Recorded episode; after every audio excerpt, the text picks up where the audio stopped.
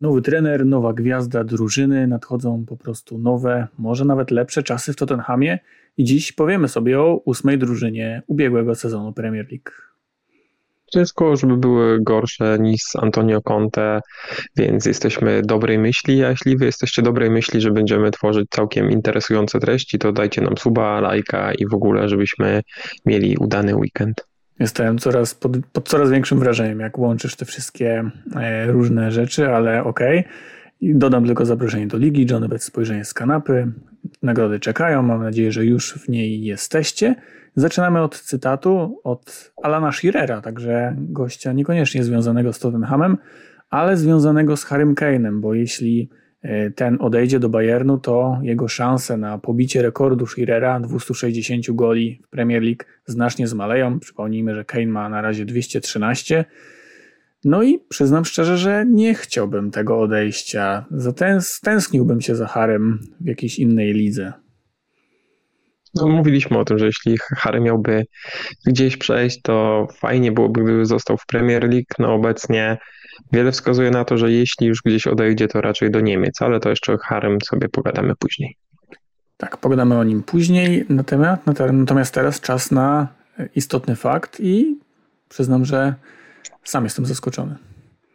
Tak, no w zasadzie istotny fakt numer jeden to to, że właścicielem Tottenhamu nie jest Daniel Levy, tylko Joe Louis, bo w sumie zazwyczaj słyszymy o Danielu Levym, a to tak naprawdę jest prezes, chairman, nie wiem jak tokolwiek to po angielsku, po polsku się nazywa. W każdym razie tak, właścicielem jest Joe Louis i jakby w Tottenhamie było ostatnio zbyt mało emocji po zwolnieniach Conte czy po e, całej sadze transferowej Harry'ego Kane'a, to przy okazji Joe Louis dostał dokładnie 19 zarzutów związanych z oszustwami, z papierami wartościowymi, że podobno spekulował na giełdzie i wykorzystywał e, nielegalne dane do swoich transakcji. Także gratulujemy Joe Louisowi. Zobaczymy, jak to się rozstrzygnie i zobaczymy, jaki to wpływ będzie miało na Tottenham, bo nazwisko niby zbyt e, związane z Tottenhamem nie jest, jeśli chodzi o media, no ale to jednak właściciel, co by nie mówić. Tak, dość różne ostatnio nastroje na północy Londynu, e, ale nastroje w Tottenhamie ma poprawić Angę Postecoglou, czyli były menedżer Celticu, który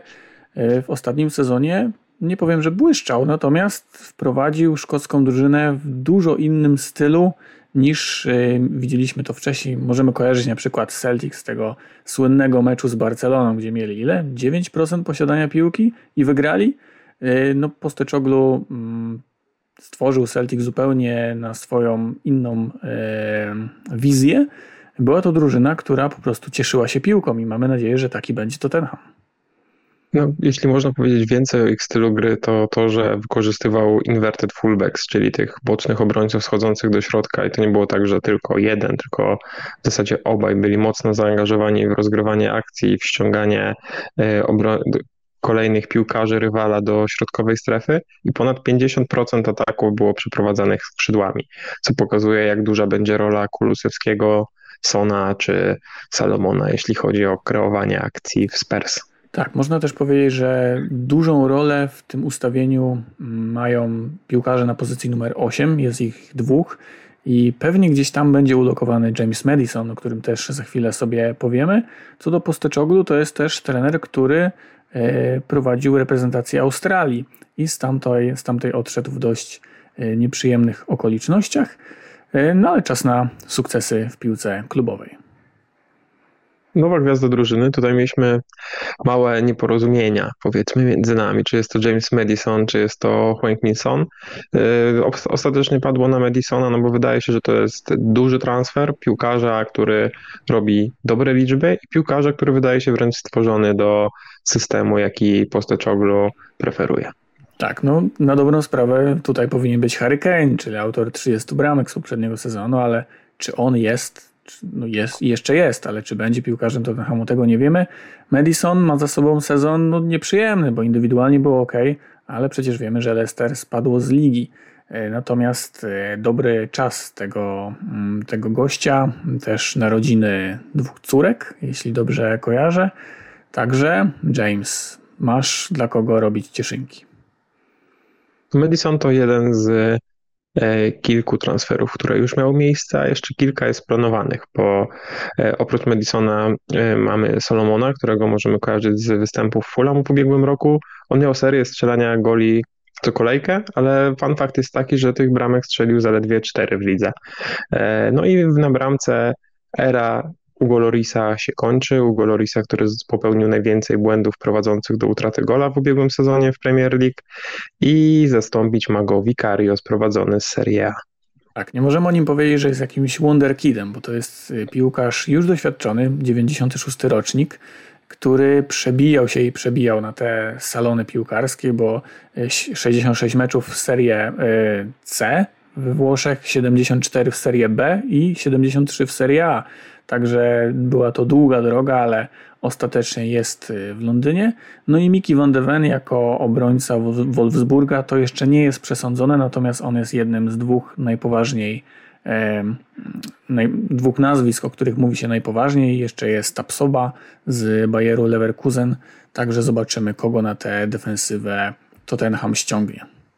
No jeszcze tam jest też rozmowa o Tosinie Adarabiojo, może też wróci Lenglet. No i to ważne w przypadku Tottenhamu, co też widzieliśmy właśnie w meczach preseasonowych, których swoją drogą zbyt wielu nie było, ale ważne są też powroty piłkarzy, których nie chciał Conte.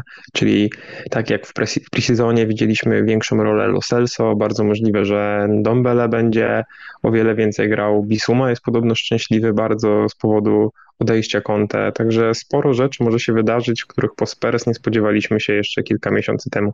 Tak, co do transferów możemy też dodać wykupienie Kulusewskiego i Pedro Porro, to są nazwiska już znane, natomiast dopiero teraz oficjalnie stają się graczami Tottenhamu. I też powrócił z, wypożyczenia Destiny Udoji, o nim e, za chwilę. Co do pre-sezonu, oni mieli trochę pecha, bo tam jeden z meczów był odwołany, później Roma nie chciała się zgodzić na mecz towarzyski, E, więc cóż, Tottenham nie pograł za wiele. Słaby punkt. To, to też właśnie, to, Tottenham sobie sam, tak jest ten mem, gdzie gość sobie sam wkłada kij w szprychy, no to jeśli Tottenham wybrał na granie sparingów miejsce w trakcie sezonu monsunowego, to bardzo możliwe, że nie była to najbardziej inteligentna decyzja w życiu włodarzy kogutów. Czyli słabym punktem Tottenhamu jest Tottenham. Często tak. Tak, ale... Let's it's Tottenham, no to jeden z najsłynniejszych cytatów dotyczących Spurs. Tak, natomiast defensywa no, ma twarz Erika Dajera i nie jest to twarz szczęśliwa, jak widzicie na grafice, bo rzeczywiście mieli ogromne, ogromne problemy, a w tej ofensywnej taktyce Posteczoglu e, będzie bardzo trudno zachować czyste konta, więc taki transfer czy Van de Vena, czy Tapsoby, czy e, może właśnie Tosina Darabiojo e, może okazać się kluczowy. Młody talent, tak, no, sprowadzony z Udine, od razu też tam wypożyczony, zaliczył całkiem przyzwoity sezon w Serie A i wydaje się, że może być nawet pierwszym wyborem, jeśli chodzi o lewą obronę w drużynie Spurs. Tak, to Włoch z nigeryjskimi korzeniami, urodzony w 2002 roku e, w Weronie.